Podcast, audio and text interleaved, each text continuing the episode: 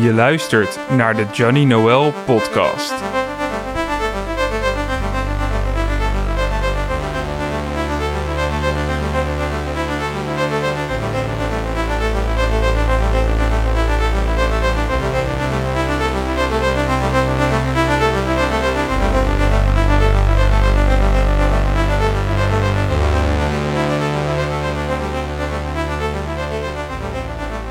Welkom.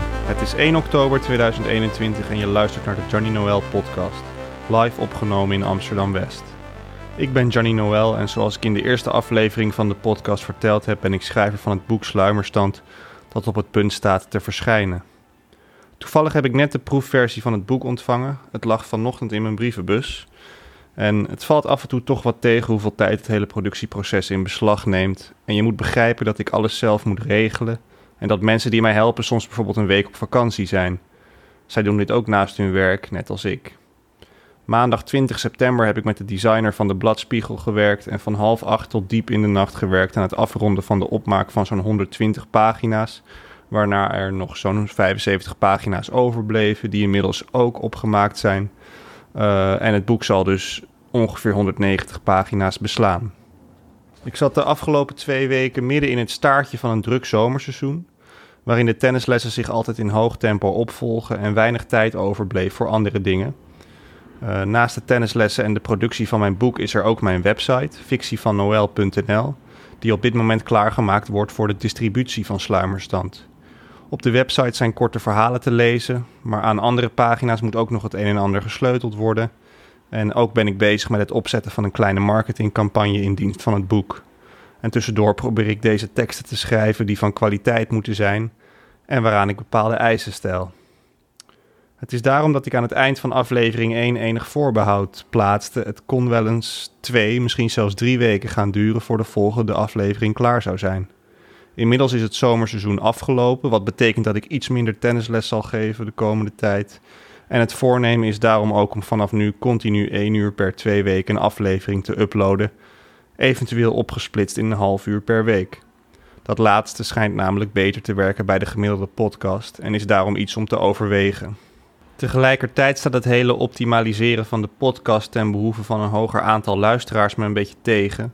Uh, dit is een niche podcast die vooral over literatuur, muziek en speelfilms zal gaan.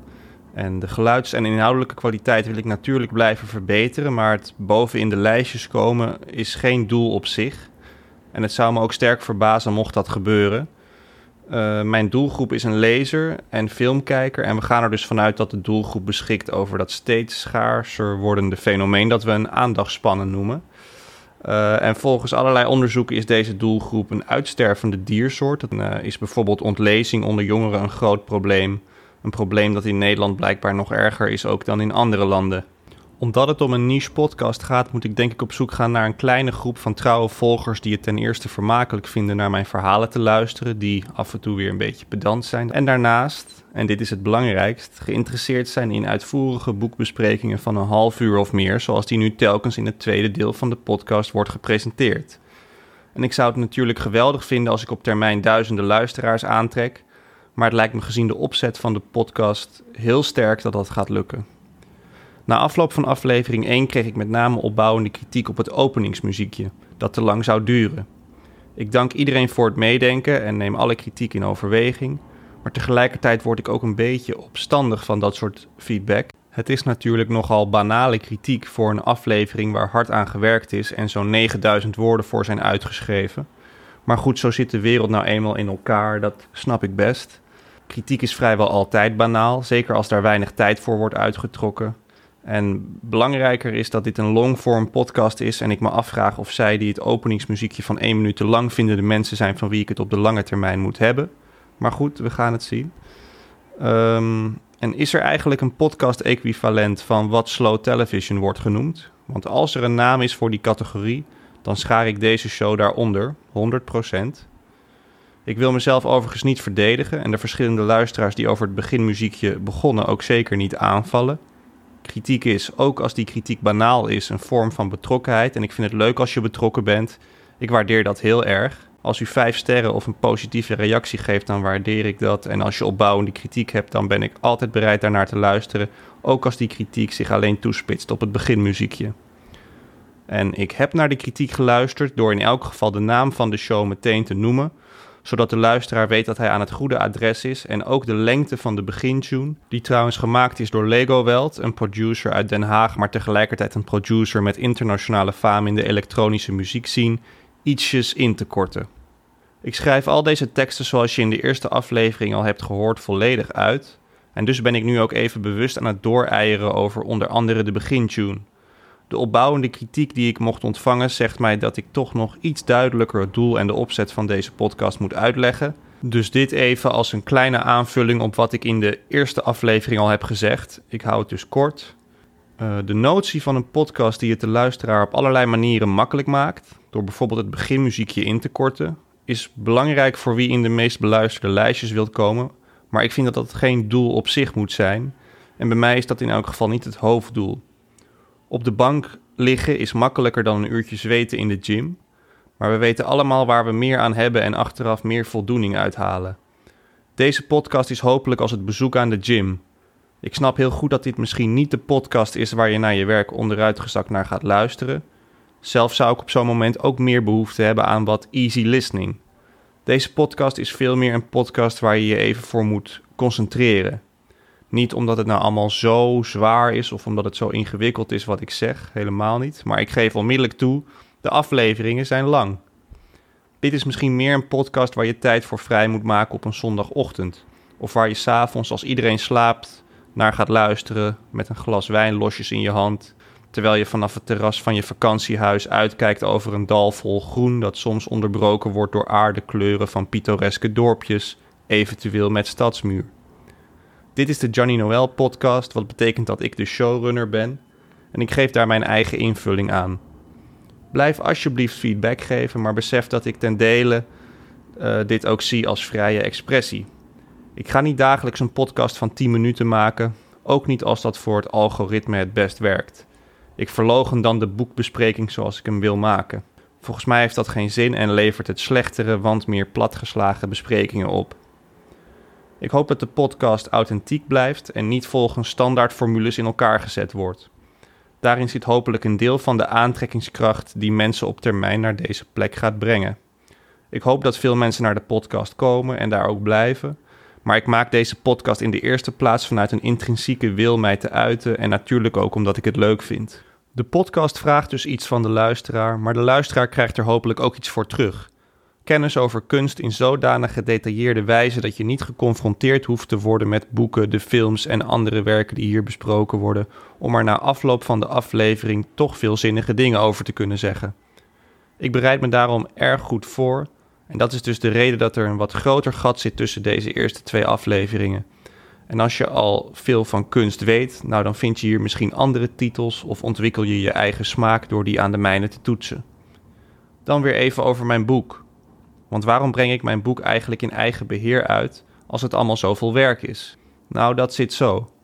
Ten eerste is het ook weer niet zo heel lastig om alles zelf uit te zoeken. En daarnaast geeft het ook wel een bepaalde indie, punk, DIY charme aan het hele project. Maar belangrijker is dat ik niet het gevoel heb dat het heel veel soepeler of sneller verloopt via een uitgeverij. Ooit stuurde ik het boek naar de uitgeverij Prometheus, wat toegegeven misschien wel erg ambitieus was. Want Prometheus is natuurlijk een van de grootste uitgeverijen van Nederland. Maar de kritiek op basis waarvan mijn boek werd afgewezen maakte eigenlijk meteen al dat ik geen zin meer had om verder nog andere uitgeverijen te benaderen. Het mailtje dat ik terugkreeg van een van de redacteuren was in eerste instantie vrij standaard. Er stond in dat er helaas geen plaats was voor uitgaven van het boek in hun fonds. En nadat ik om specifieke kritiek vroeg, kreeg ik van deze Prometheus-redacteur te horen aanhalingstekens openen. Schrijven kun jij zeker, dat zag ik al snel. Wanneer wij een nieuwe fictieauteur aan ons fonds toevoegen, moet de schrijfstijl heel goed zijn en het verhaal uitzonderlijk. Ik miste iets nieuws in het verhaal en het gevoel dat ik moest doorlezen en te maken had met een nieuwe literaire stem. Dat is natuurlijk behoorlijk subjectief. In elk geval zou ik je zeker aanraden om het manuscript ook naar andere uitgeverijen te sturen. Aanhalingstekens sluiten. Vervolgens vertelde Anne-Romee Koeberg, die mij als mijn redacteur op uitmuntende wijze heeft geholpen het boek te voltooien, dat ik eigenlijk blij moest zijn met deze extra verklaring, want de meeste schrijvers moeten het slechts met de algemene afwijzing doen. Zij had verwacht dat ik überhaupt niet op een verdere uitleg hoefde te rekenen, omdat het een helskarwei is voor uitgeverijen om op iedereen te reageren. Ik feliciteerde mezelf er dan maar mee, maar om nou te zeggen dat het een kick gaf, nee, niet echt, niet voor mij. En natuurlijk, ik snap het. Ik snap dat uitgeverijen niet zitten te wachten op fictie van een nog niet bekende schrijver. Een schrijver die bovendien ook een vrij provocatief boek heeft geschreven vol non-relatable characters. Dat qua thematiek ook weinig te maken heeft met de huidige tijdsgeest.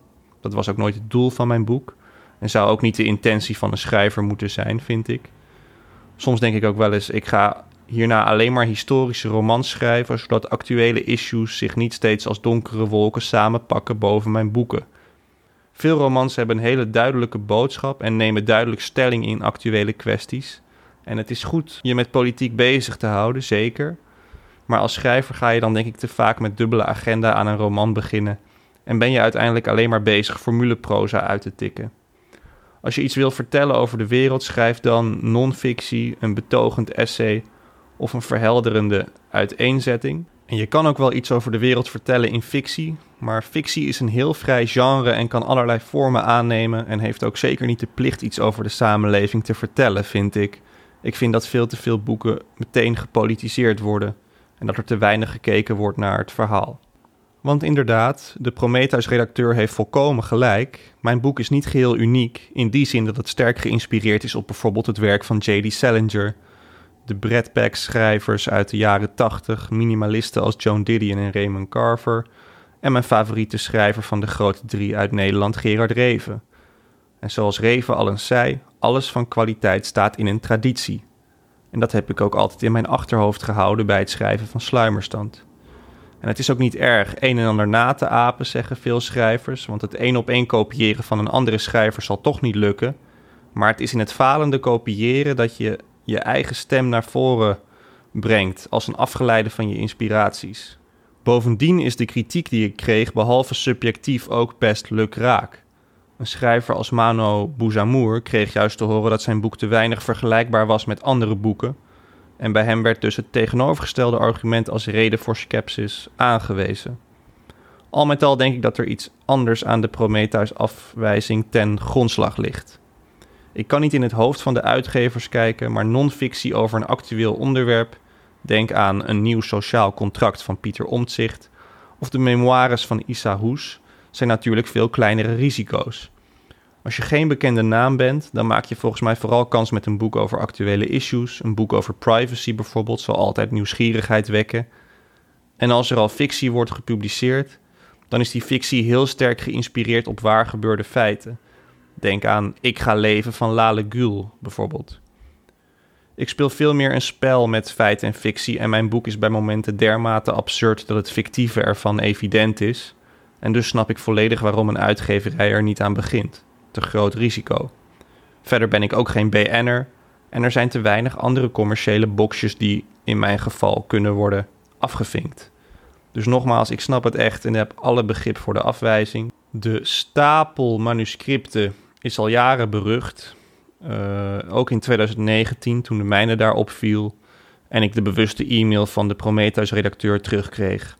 En zeker nu, na 2020, het jaar waarin vrijwel iedereen een boek wilde gaan schrijven tijdens de quarantaine, zou de uitgave van mijn boek bij een gerenommeerde uitgeverij misschien wel van een veel fictievere werkelijkheid zijn dan alle absurditeiten die in mijn proza voorkomen. Sommige uitgeverijen hebben momenteel zelfs een manuscriptenstop ingesteld, wat ook heel begrijpelijk is, want het wordt gewoon veel te veel. Ik geloof in mijn boek, maar omdat mijn boek op zo weinig manieren in de juiste categorie valt, is het uitgeven in eigen beheer dus denk ik het beste en veel meer iets dat bij deze tijd past, waarin iedereen toegang heeft tot de productiemiddelen. Ik heb in de eerste aflevering van deze podcast al grotendeels uit de doeken gedaan waar deze podcast over zal gaan. En ik heb mezelf al voorgesteld, dus we gaan nu snel door naar de boekbespreking van Less Than Zero, maar het leek me gewoon even goed om mijzelf en het idee en de doelen van deze podcast en ook van het boek nog wat verder te introduceren. Mede aan de hand ook van de feedback op de eerste aflevering. Er is een bandbreedte tussen formats die 100% potentie hebben om aan te slaan en een grote following willen bereiken. En die podcasts die zo niche zijn dat alleen de maker zelf geïnteresseerd is in het onderwerp van zijn show. Daar waar veel podcasts op die bandbreedte veel meer uitslaan naar de kant van het kosten wat het kost willen worden van een hit en daardoor verworden tot algoritme podcasts met een vaste formule, daar probeer ik bewust in het midden van die bandbreedte te blijven. Veel luisteraars heel graag. En om aan de woorden van Reven te denken, alles moet wel in een traditie staan of ergens naar terugverwijzen. Ik denk trouwens dat de podcast De Blondie Show wel een beetje lijkt op deze podcast qua stijl en format.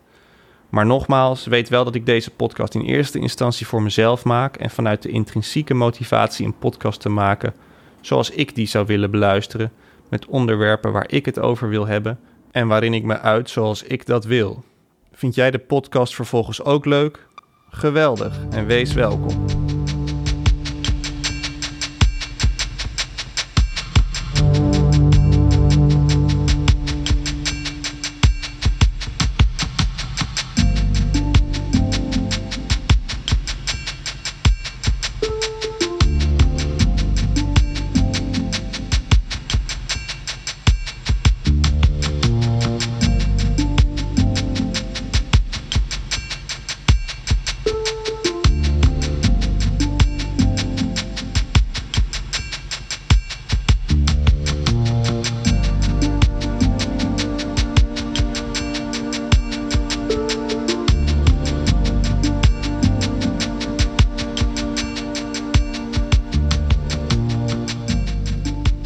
Een boek dat zich afspeelt in Los Angeles. Een boek dat gaat over verwende kinderen, zo verdorven, verwend en verdoofd dat bijna niks hun ogen, die zo oppervlakkig en materialistisch naar de wereld kijken, nog doet knipperen. Ze doen niet veel. Ze doen kook en staren naar de televisie, die altijd op MTV staat afgesteld. De zender waar clips van acts als The Human League, The Go-Go's, Blondie, The B-52's, David Bowie en Duran Duran elkaar in hoog tempo opvolgen. Less Than Zero bevat vrijwel alle ingrediënten van wat in de Reagan 80s door kon gaan, als punk rock en cool. Het boek is totaal niet woke en al dat drugsgebruik niet gezond, maar als jongen van rond de 20 hebben dit soort zedenschetsen natuurlijk een onweerstaanbare aantrekkingskracht. Ik denk dat het eind 2014 was toen ik het boek voor het eerst las in de kerstvakantie. Net als Joan Didion's Play As It Lays in 2015. En inmiddels zijn de pagina's van mijn exemplaar behoorlijk vergeeld. Ik heb dit boek dan ook super vaak gelezen en onder andere de vriend van mijn zus een keer in de handen gedrukt tijdens een vakantie met familie in Zuid-Frankrijk. Een paar maanden voor ik het boek kocht, hoorde ik voor het eerst van Less Than Zero via Philip Huff, een schrijver die net als ik uit het gooien komt en die ik zeker toen intensief volgde. Huff is zeven jaar ouder dan ik en ik keek altijd erg naar hem op als iemand van wie ik misschien kon leren hoe om te gaan met het gooien en het feit dat je daar vandaan komt en hoe vervolgens door te breken in het veel progressievere literaire wereldje van Amsterdam. Zoals ik in de eerste podcast al zei, blijft bij mij altijd een spanning bestaan tussen het gooi en diens inwoners, omdat ik me er ook nooit tegen hoefde af te zetten en de thuissituatie ook niet typisch goois was. Mijn ouders waren twee VPRO'ers die vrij weinig ruzie met elkaar maakten. Bij Filip is dat iets anders gegaan. Hij had een vader in de gemeenteraad van de VVD en in het verdriet van anderen vertelt hij kort over zijn jeugd. Hij bespreekt het boek Into the Wild van John Krakauer uit 1996, dat later verfilmd is door Sean Penn en gebaseerd is op het waargebeurde verhaal van Christopher McCandless, die de hypocrisie en het materialisme van zijn opvoedingen in Annandale, een chique suburb van Washington, probeerde te ontvluchten door al zijn geld aan Oxfam over te maken en op reis te gaan, de wildernis in. Philip schrijft, citaat openen, Het boek maakte grote indruk op mij als jonge lezer. Ik was een jongen uit het Gooi, een vergelijkbare omgeving als Annandale, die aan de vooravond van zijn middelbare schooltijd stond. Ik kwam uit een ogenschijnlijk gelukkig gezin, maar ook bij ons thuis was er veel ruzie. Bijna alles wat ik tot die tijd had gedaan, van tennis en hockey tot de keuze voor een categoriaal, was opgelegd. Hetzelfde gold voor mijn bovengemiddelde interesse in welvaart. Er is een anekdote dat ik als jonge jongen aan de hand van mijn vader door het centrum van Laren liep. De P van de A op verkiezingstournee, Wim Kok achter de oven van de poffertjeskraam op de brink en dat iemand mij een P van de A-ballon aanbood. Ik schudde mijn hoofd en zei: Nee, ik wil er een van de VVD. Mijn reactie kwam voort uit wat gebruikelijk was in die wereld, niet zozeer uit wat ik wilde. Later voelde ik een grote behoefte me tegen die wereld te keren, me af te zetten. Maar als ik sprong, landde ik telkens weer op mijn geboortegrond. Ik kon er niet aan ontsnappen. Citaat sluiten, en je begrijpt door aflevering 1 waarschijnlijk wel waarom dit resoneerde bij mij. Philip verliet met piepende banden zijn ouderlijk huis, zoals hij vertelde in een radioaflevering van NTR Academie, terwijl ik zelf juist graag naar het gooi blijf komen. En Philip werd lid van het koor en ik niet, en dus waren er wel degelijk verschillen. Maar toch keek ik naar hem op als iemand die vrij gevochten is, een duidelijke visie op de wereld heeft en een jonge, intelligente schrijver is die net zo makkelijk over seks schrijft als over Raymond Carver en er behalve dat ook altijd goed uitziet. En zo volgde ik dus media-optredens en interviews van Philip Huff en toen was daar zijn derde roman Boek van de Doden, over een week in het leven van Felix Post, een schrijver van bijna 30 wiens werk vastloopt en die verliefd is op een vrouw die een kind krijgt van een ander. En dit alles à la Gerard Revens de avonden gedurende een periode rond kerst, waarbij het hoofdpersoon enorm aanhikt tegen het kerstdiner met zijn familie. Het boek kreeg wisselende kritieken, maar werd door Arjen Fortuyn neergezet als een typische roman van een generatie. En dus werd Huff in de Groene Amsterdammer gevraagd naar de wat hem betreft vijf beste generatieromans. Hij noemde vijf boeken die ik inmiddels, afgezien van Mrs. Dalloway, allemaal heb gelezen. Sylvia Plath's The Bell Jar, The Sun Also Rises van Ernest Hemingway, Mrs. Dalloway dus van Virginia Woolf, Bright Lights Big City van Jay McInerney en Less Than Zero. Philip zegt over Less Than Zero aanhalingstekens openen. Less Than Zero is een extreem nihilistisch boek en lijkt een portret van een lege, verdorven generatie. Het beschrijft het leven van rijke, feestende tieners in Californië in het begin van de jaren 80, die vooral bezig zijn met drugs, anonieme seks en geweld. Als je ze in een kort filmpje voorbij zou zien komen, zou je denken: Jezus, wat een clichés. Maar als je diezelfde mensen een heel boek volgt, ga je ook zien hoe ingewikkeld het allemaal is. En hoe tragisch vooral. Je begint te begrijpen waarom hun leven zo grimmig is en waarom ze de keuzes maken die ze maken. Zoals ik al zei, ook dat is de functie van een boek. Dat je de mechanieken en de rotzooi onder een glimmende buitenkant laat zien. In die laatste zinnen geeft Philip natuurlijk een erg chique uitleg van het boek. En inderdaad, Les Zero lijkt soms op een moralistische schets van generatie X. En zoals de meeste van Alice boeken een metafoor voor alles wat misschien niet zo oké was aan de MTV-generatie. Zoals generatie X ook wel wordt genoemd.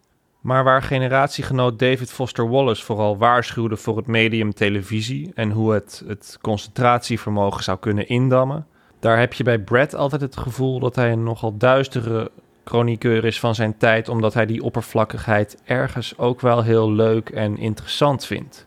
Wat was nou eigenlijk generatie X of Gen X? Nou, dat is vrij lastig te zeggen, want het hangt er ten eerste vanaf naar welke demograaf je luistert of welke bronnen je raadpleegt. Maar wat je in elk geval kunt zeggen is dat Generation X, behalve de band van Billy Idol, ook de generatie na de babyboomers is. En je dus deel uitmaakt van deze generatie als je op zijn vroegst ergens begin of midden jaren 60 bent geboren en op zijn laatst ergens eind jaren 70. Generation X was een generatie die in ondertal was ten opzichte van de oudere generaties, doordat in de jaren 60 de pil zijn intrede deed en abortus legaal werd in de jaren 70 en 80. Gen X'ers groeiden dus op met ouders die er een vrije seksuele moraal op nahielden en zagen soms hun vader of moeder met een andere man de slaapkamer inschieten. Ik ben zelf geboren in 1991, dus heb dat allemaal niet zelf gezien. Ik generaliseer afgaande op wat ik heb opgezocht over Generation X. Wat me eraan doet denken dat ik ook even moet benadrukken dat columnisten, schrijvers en maatschappelijk commentatoren geen andere keuze hebben. We kunnen niet iedereen één voor één uitlichten, dus val me niet aan op mijn algemeenheden. Er is geen duider die zich er niet aan bezondigt en terecht. Ik besef dat dit aan de ene kant hard klinkt en een soort rechtstrekje van mij is, omdat het impliceert dat ik geen minderheden zou erkennen. Tegelijkertijd raakte ik laatst weer verzeild in een discussie met een paar van mijn Gooise vrienden, die mij een gebrek aan nuance verweten, omdat ik zei dat mensen met bepaalde beroepen nogal geldbeluste perverselingen zijn. Nee, dat geldt vast niet voor alle leden van die beroepsgroepen, en ik beschouw iedereen als leidend voorwerp van dienstbestaan. En misschien hebben die goudzoekers door een welvarende of juist zeer armoedige jeugd het gevoel gekregen dat geld verdienen zaligmakend is. Maar laten we sowieso niet elke discussie meteen doodslaan door de nuancekaart te spelen. Want dan kunnen we allemaal beter meteen onze mond houden en daar schiet helemaal niemand iets mee op, want er moet toch kritiek geleverd kunnen worden. Mag ik niks over de SS zeggen omdat ik niet elke individuele SS'er onder de loep heb genomen en omdat ik toen niet leefde? Zou ik raar vinden. Dus of je nou conservatief of progressief bent, voel je af en toe ook vrij te generaliseren. Verhalen van individuen blijven natuurlijk ook belangrijk, maar in de Johnny Noel podcast wordt enorm gegeneraliseerd. Zo, die disclaimer er ook vast tegenaan gegooid. En dan nu even schrikken. En ja, het doet heel even pijn, maar ik trek je zo upsake, even aan je haren terug de schoolbank in. Als de strenge onderwijzer van een high school drama. Want waar waren we ook alweer? Oh ja, Johnny Noel zei dat Gen X'ers ouders hadden die er een vrije seksuele moraal op nahielden en de toekomst van de pil en abortus maakte dat er relatief weinig kinderen werden geboren. En daarom was generatie X in ondertal. Dit was ook een tijd waarin ouders vooral met hun eigen carrières bezig waren. Niet in de laatste plaats doordat zelfactualisatie nogal gehyped werd in de jaren 80. Denk ook weer aan politici als Reagan en Margaret Thatcher. En dat leidde er onder andere toe dat bijvoorbeeld ook moeders meer en meer begonnen te werken terwijl de maatschappij daar nog niet op ingericht was. Buitenschoolse opvang was nog niet zo'n ding in de jaren 80, zullen we maar zeggen. De maatschappij draaide om volwassenen. Helicopter parents bestonden niet. Kinderen liepen zelfstandig door de stad. Brad Easton Ellis vertelt hier zelf over in zijn essaybundel White uit 2019, waarin hij het vooral gemunt heeft op de slachtoffercultus van millennials, die zich in zijn ogen slechte verliezers toonden na de verkiezingsoverwinning van Trump. Zo aanschouwt hij hoe zijn vriendje als 22 jaar jongere millennial zo ongeveer een nervous breakdown krijgt bij ieder moment dat Trumps gezicht op een televisiescherm verschijnt. Brad vindt dat de millennials wel wat Generation X stoïcisme kunnen gebruiken. Just vote him out next time, zegt hij in die tijd, 2019, als Trump al drie jaar in het Witte Huis zit. Ook klaagt hij in White over het feit dat het individu verdwijnt slash niet meer gewaardeerd wordt, over dat kinderen te veel worden gepamperd en hoe millennials zo soft zijn, hun leven als een angstige balancing act, waarin alles gezegd wordt om meer volgers te vergaren of ze in elk geval niet kwijt te raken. Brad zegt in een interview met de Volkskrant rond de verschijning van White in 2019: Toen ik in de jaren 70 opgroeide in Californië, had je nog geen helikopterouders. De wereld draaide nog niet om kinderen zoals nu. Ik zag mijn vader misschien tweemaal per week aan tafel. Verder was hij druk met zijn makelaarsbestaan in LA. Mijn vrienden en ik leefden in een volkomen vrije wereld. In boeken en films als Carrie, The Shining, Night Shift en Salem's Lot werden wij geconfronteerd met een werkelijkheid vol willekeur en vreedheid, dood en gevaar. Een gruwelijk boek lezen, een verpletterende film ondergaan, dat beschouwden wij als een stap op weg naar volwassenheid. Een pessimistische levenshouding was een teken dat je hip en cool was. Wij waren nog niet gegrepen door de slachtoffercultus, die momenteel zo overheersend aanwezig is. De essaybundel White is dus erg kritisch op progressieve, in zelfmedelijden zwelgende millennials en kreeg daardoor behoorlijk wat tractie onder conservatieven in Amerika. Brad verscheen zelfs een aantal keer op Fox News om het te hebben over dingen als fake corporate wokeness in Hollywood en het Trump derangement syndrome, waar veel millennials onder zouden lijden. Er heeft altijd controverse rond Brad Easton Ellis gehangen. Eerst kwam dat door de inhoud van zijn boeken en de karakters die daarin voorkomen. Sommige zijn zo plat als een dubbeltje, en het is ook vrij zelden dat je je met een van hen identificeert. Wat nog zo'n criterium is dat tegenwoordig vaak gehanteerd wordt bij het bespreken van boeken. Een criterium dat wat mij betreft totaal niet relevant is. Wat is er leuker dan het karakter van een ongelofelijke kwal te presenteren of van een totale creep? Ik vind het heerlijk om een ongelofelijke douchebag neer te zetten of over zo'n persoon te lezen. De controverse rond Brett gaat zo ver dat ik er zelf laatst ook indirect mee te maken kreeg. Ik raadde een aantal van Brad's boeken aan. Een vriend van een vriend wilde met literatuur in aanraking komen en Brad's boeken zijn over het algemeen vrij toegankelijk voor beginnende lezers. Maar toen die vriend van een vriend om een aantal van Brad's boeken vroeg, viel een medewerker van Atheneum Boekhandel op het spui, waar hij die boeken wilde kopen, tegen hem uit. En probeerde hem aan zijn verstand te helpen dat hij beter iets anders kon gaan lezen. Ik kom zelf graag bij Atheneum, maar als dat echt zo is, nou dan slaat het nergens op dat die medewerker zo boos werd. Alsof je het ook per definitie eens bent met de auteur van het boek dat je wil kopen. Dus ja, dat was weer een typisch Brad Easton Ellis akkefietje. Dat past binnen een traditie van controversies rond zijn boeken, zoals het in aflevering 1 genoemde American Psycho, dat door Simon Schuster zou worden uitgegeven, maar de corporatie waar Simon Schuster onder valt weigerde daarmee in te stemmen. Wat erg ongebruikelijk is, want dat soort zaken zouden door de redacteuren van de uitgeverij zelf onder de loep genomen moeten worden. Of het publicabel is of niet, en of het te controversieel is of niet. Maar goed, het bedrijf waar Simon Schuster onder valt weigerde vanwege de misogyne vrouw om vriendelijke hoofdpersoon die gepresenteerd wordt in het boek, wat daardoor veel verzet te verduren kreeg van verschillende feministische organisaties. Brad moest van uitgever wisselen en American Psycho zou uiteindelijk worden uitgegeven door Knopf. Tot de dag van vandaag wordt het boek in bepaalde landen verkocht in een verhullende verpakking. Ik ben het overigens zelf lang niet altijd eens met Brad's politieke opvattingen, maar hij volgt dan ook vooral de verslaggeving rondom politiek en maakt zich druk over de hysterische toon. Hij is nooit een verdediger van Trumps beleid geweest. En al was hij dat wel geweest, ik ben vooral fan van Brad vanwege zijn boeken en zijn filmrecensies, die ik goed vind en waarin hij vaak komt met originele en intelligente observaties. Toch klopt het wat Philip Huff zei over Less Than Zero. Het boek legt inderdaad problemen bloot van de jeugd in Los Angeles in de jaren 80 en de leegte die hun welvaart met zich meebracht. Op zich een zeer achtenswaardig streven van Brad, die erg kritisch was op zijn generatie, al komt hij daar nu dus op terug door ze neer te zetten als een generatie superieur aan de mijne, de generatie I, oftewel de millennials. Want inderdaad, ouders spelen nauwelijks een rol in Less Than Zero en de kinderen hebben het rijk alleen. Ze hebben auto's, hoofdpersoon Clay een 450 SL.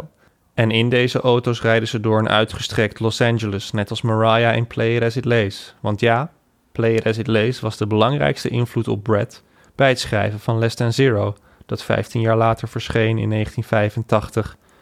En haar The White Album van Joan uit 1979 was een van Brad's favoriete boeken. Hij sleepte het continu met zich mee toen hij nog op Buckley zat een prep school in Los Angeles waar Brad studeerde en aan Less Than Zero werkte voordat hij de stad ontvluchtte. In 1982 verruilde hij Buckley voor Bennington College in Vermont, aan de East Coast dus, helemaal aan de andere kant van Amerika. Over die tijd is een fantastisch stuk geschreven door Lily Annelik, die ook biograaf van Eve Babbitts is en het brein achter de podcast Once Upon a Time in the Valley, een podcast over de porno-industrie aan de Amerikaanse westkust in de jaren 80. Annalik schreef een longread voor Esquire. Het artikel heet The Secret Oral History of Bennington, daarmee leuk variërend op Donna Tartt's literaire droomdebuut The Secret History.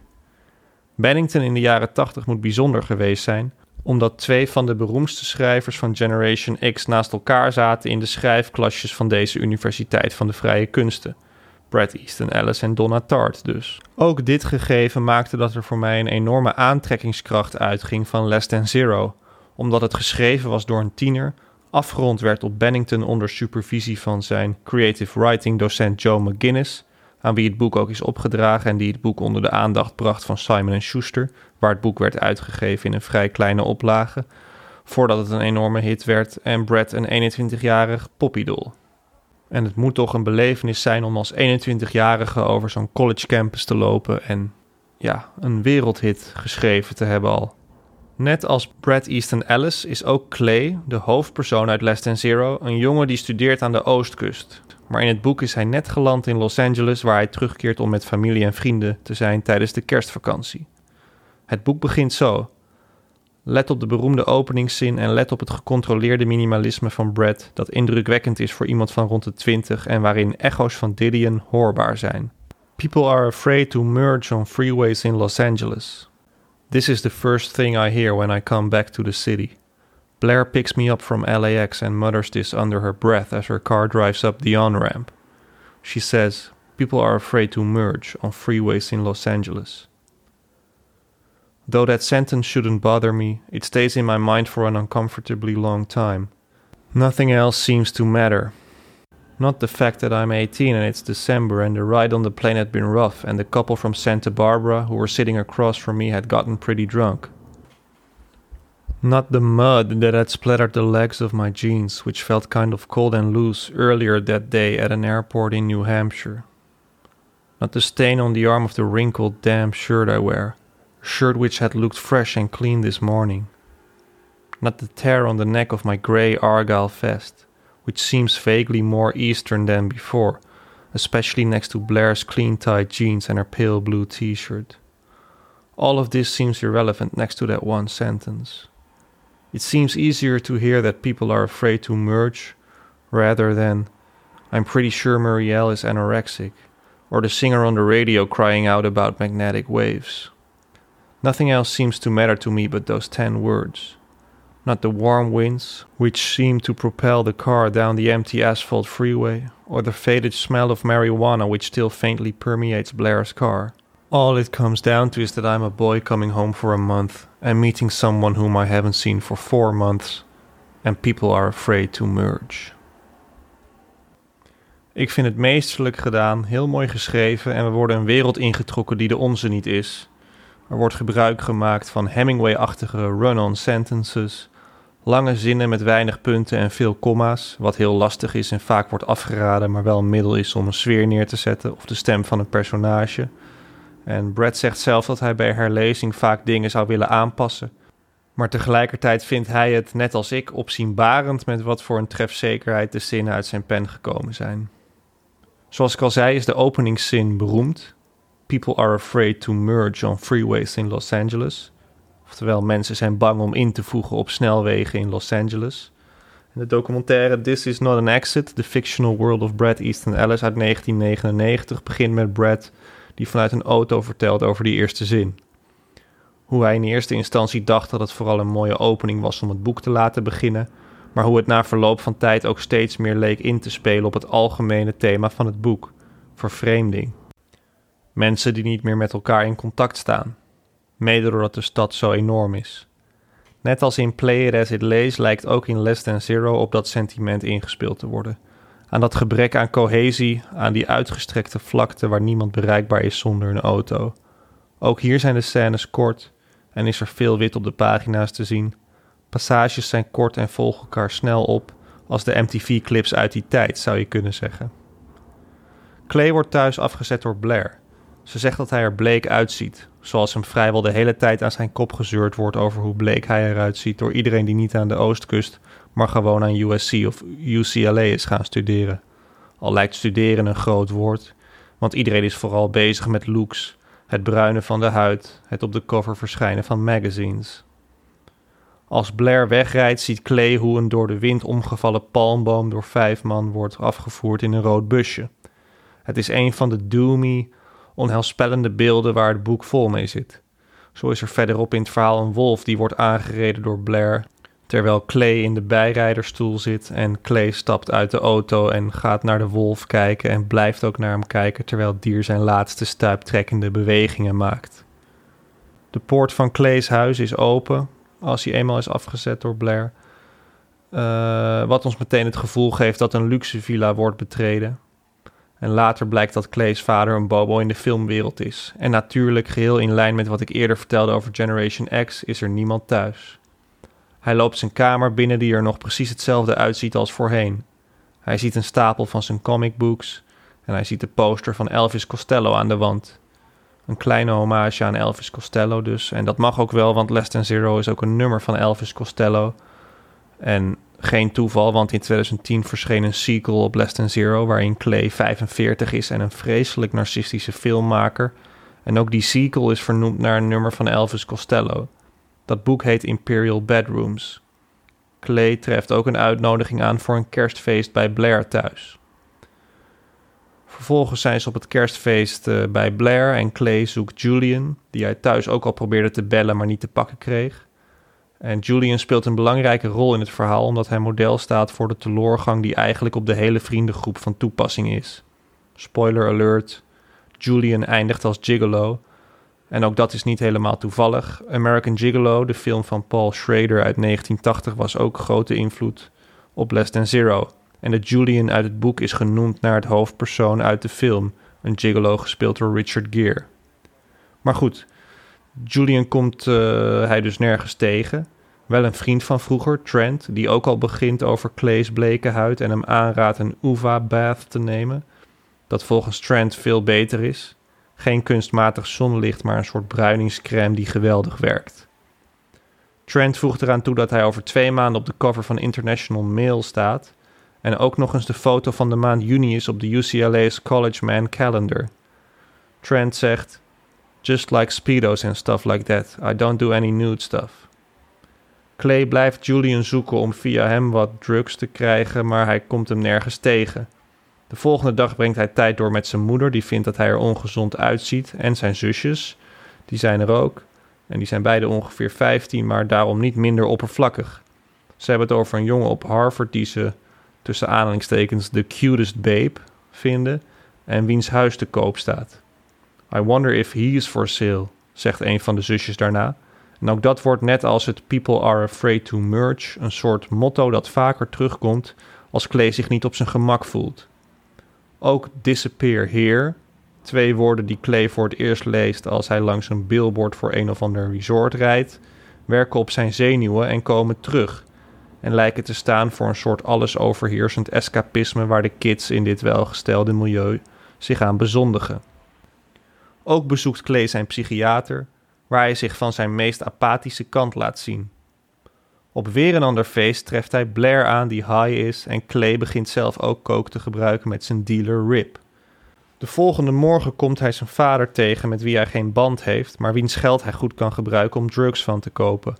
Deze ontmoeting lijkt Clay's eenzaamheid nog maar eens te onderstrepen, zoals ook een nogal awkward kerstviering met zijn zusjes en ouders dat doet. Wel belandt hij in bed met Blair, wat er misschien voor zorgt dat de door Clay's studieactiviteit aan de oostkust bekoelde relatie weer opbloeit. Blair bleef zelf in de stad en studeert aan USC, de University of Southern California dus, of zoals Blair hem zelf noemt, de University of Spoiled Children. Het verhaal gaat verder. Clay ziet Julian zo nu en dan en het lijkt alsof Julian iets voor hem verborgen houdt. Het halve boek beschrijft nogal sferisch hoe Clay naar Julian op zoek is en hoe Julian niet opkomt dagen bij de afspraak die ze zouden hebben bij het Chinese Theater op Hollywood Boulevard. Daarna rijdt Clay naar Julians huis. Als mobiele telefonie had bestaan, was dit toch al dunne boekje half zo dik geweest trouwens. En Julian vraagt Clay wat geld te lenen, zodat hij een abortus kan betalen. Clay is op zijn hoede, want het bedrag dat Julian nodig heeft lijkt hem veel hoger dan dat wat nodig is om een abortus van te betalen. Er moet iets anders aan de hand zijn. Clay leent hem het geld, ook omdat hij weet dat Julians ouders gestopt zijn hem nog langer financieel te ondersteunen. Ondertussen frequenteert Clay feestjes, slaapt hij met een aantal personen, man of vrouw, maakt niet zoveel uit. De relatie met Blair wordt in elk geval verwaarloosd en Clay gaat weer naar zijn psychiater waar hij een bloedneus krijgt waarschijnlijk door overmatig kookgebruik. Ondertussen komt hij Julian niet meer tegen. Waar zit hij? Niemand die het weet. Als hij hem eindelijk vindt, zegt Julian dat ze naar een appartement van een man moeten en die heeft het geld dat Julian aan Clay moet terugbetalen. En daar gaan ze dan heen. En daar leert Clay dat Julian geprostitueerd wordt, want de man heet Finn en Finn is een pooier. Finn zegt dat ze bij ene Mr. Erickson moeten zijn, een laatste klant. Clay moet meegaan, want deze cliënt, deze Mr. Erickson, wil graag dat iemand kijkt terwijl hij het doet met Julian. Clay merkt dat het geld hem op dit punt niet zoveel meer uitmaakt. Ergens is hij ook wel nieuwsgierig. Hij denkt: I want to see the worst. Terwijl Mr. Erickson Julian voorover buigt in de hotelkamer waar ze hebben afgesproken, kruipt dat zinnetje weer bij Clay naar binnen. I wonder if he's for sale. Vijf uur passeren. Wat gebeurt tussen Mr. Erickson en Julian wordt niet benoemd, maar Clay zit de hele vijf uur in een stoel aan de rand van de kamer en wat hij ziet laat zich raden. Als ze daarna teruggaan om bij Finn het geld op te halen, wil Finn dat Julian weer een klant bezoekt.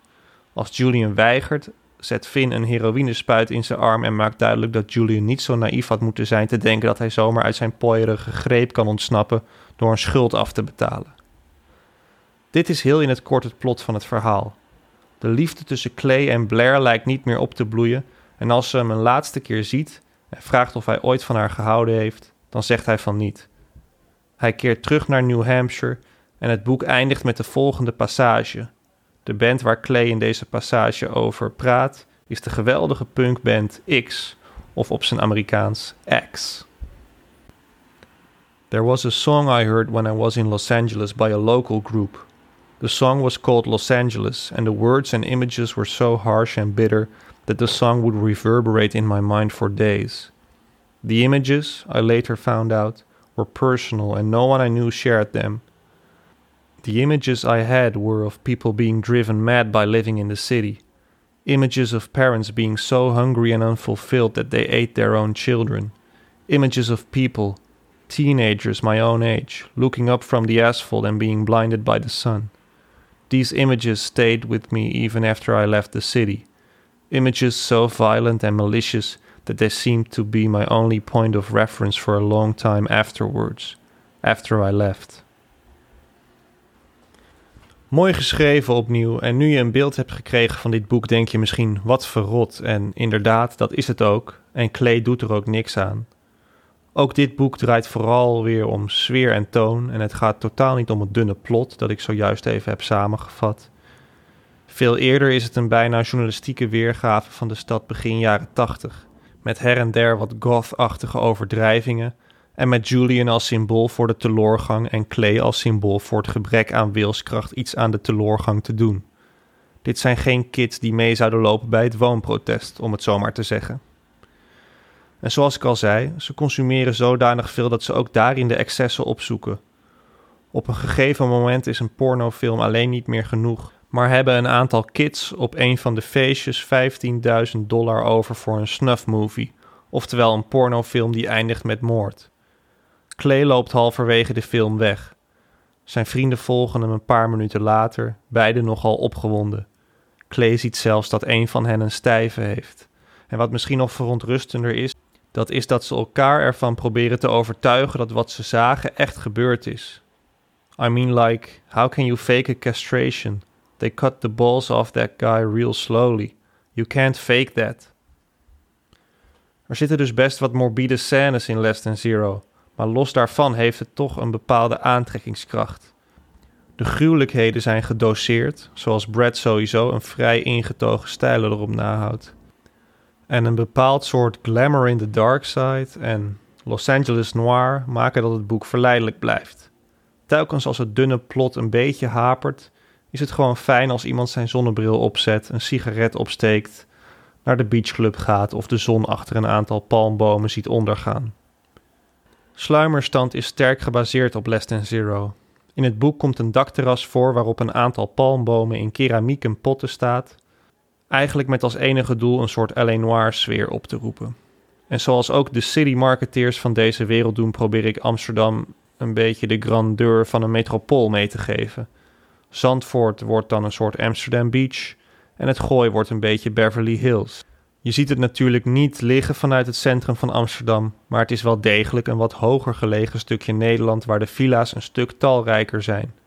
En dus rijdt de hoofdpersoon van mijn boek rond over de snelweg tussen het Gooi en Amsterdam. En ook ik probeer soms vrij goth-achtige beelden op te roepen. Zo sterven mensen aan witte heroïne, zijn er trams die mensen aanrijden of dreigen te ontsporen, en probeer ik Amsterdam als een duisterder plek neer te zetten dan het werkelijk is. Ook wordt er door mijn hoofdpersonen veel gesnoven en gedronken en wordt er wel eens een sigaret opgestoken. Allemaal dingen die ik zelf overigens niet of nauwelijks heb gedaan. Ik drink nog wel eens te veel, maar van drugs ben ik zo goed als altijd afgebleven. En inhaleren kan ik überhaupt eigenlijk niet zo goed. Sowieso moet ik als tennisleraar vrij gezond leven. En ik ben het ook wel eens met Rutte en Wilders, die eerder deze week nog betoogden dat iedereen die kook snuift bijdraagt aan zware criminaliteit. Ik vind ook dat die boel gelegaliseerd moet worden. Maar zolang dat niet zo is, vind ik dat je als progressieve yoga-veganist ook geen lijntje moet snuiven in het weekend. Daar haal je je eigen goedertierendheid dan wel weer een beetje mee onderuit, vind ik. Tegelijkertijd ben ik wel vatbaar voor de mythologie die om rock en roll en drank en drugs heen hangt. En dus vind ik het ook leuk om eens in de zoveel pagina's een lijntje kook in een neusgat te laten verdwijnen. Maar dit heb ik toch meer gedaan voor de kids die mijn boek hopelijk gaan willen lezen en die het gewoon verfrissend vinden dat te lezen. Nogmaals, mijn boek is geen aanbeveling en geen zelfhulpboek. Het is slechts een verhaal over een aantal fictieve karakters.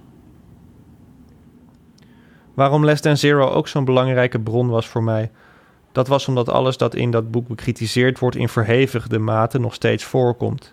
De kids uit Less Than Zero kijken niet op van een pornoblaadje, maar moesten er in elk geval nog naar op zoek gaan. Wij kunnen met één klik op de knop zien wat we willen. En als jongeren in de jaren 80 al leeghoofdig waren, omdat ze continu naar videoclips keken. Nou ja, goed, die videoclips duurden in elk geval nog 2-3 minuten. Gen Z heeft TikTok en Instagram en de reclames slingeren ons om ons hoofd en we consumeren dan ook als gekken. Voor mij allemaal redenen om een soort afgeleide van Less Than Zero te willen maken voor de huidige generatie. Ik hoop dat het me gelukt is en ga nog verder in op sluimerstand op een daarvoor geschikt moment. Voor nu hartelijk dank voor het luisteren. Dit was hem voor vandaag. Wil je meer weten over Brad Easton Ellis, dan raad ik de documentaire This Is Not an Exit aan, die op YouTube te zien is. En dan weet je gelijk alles van zijn in de 20e eeuw verschenen boeken. En dan kan je vervolgens nog Lunar Park lezen, een soort Stephen King verhaal van Brad, waarin hij zichzelf ook als personage opvoert. En je kunt Imperial Bedrooms uit 2010 lezen, de sequel van Less Than Zero zoals gezegd. En eventueel ook nog White, de essay-bundel over deze tijd. Maar ik heb je bij deze gewaarschuwd. Dat lijkt me niet het type boek waar de gemiddelde bij één of GroenLinks-stemmer mee wegloopt. Het is soms een beetje een reactionaire etter, maar ik vind het toch ook altijd wel bevrijdend en inspirerend hoe Brad zijn mening ventileert. En vooral de manier waarop hij vrijheid van expressie verdedigt en uitdraagt, vind ik iets moois. Ik hoop dus dat de bijeen en GroenLinks stemmers er gewoon weer bij zijn bij de volgende podcast. En de VVD'ers en alle anderen. Deze podcast probeert qua politieke kleur erg bleekjes te blijven. Net zo bleek als Clay's huid bij aankomst in Los Angeles. Tot de volgende aflevering. Ik heb nu het winterseizoen van mijn tennis begonnen. Is wat meer tijd voor de podcast. Dus de volgende aflevering moet er over ongeveer twee weken wel weer zijn. Ik denk nog na over een vast uploadmoment. Wordt het de vrijdagavond? Ja, ik denk het wel. Misschien de zaterdag. We gaan het zien.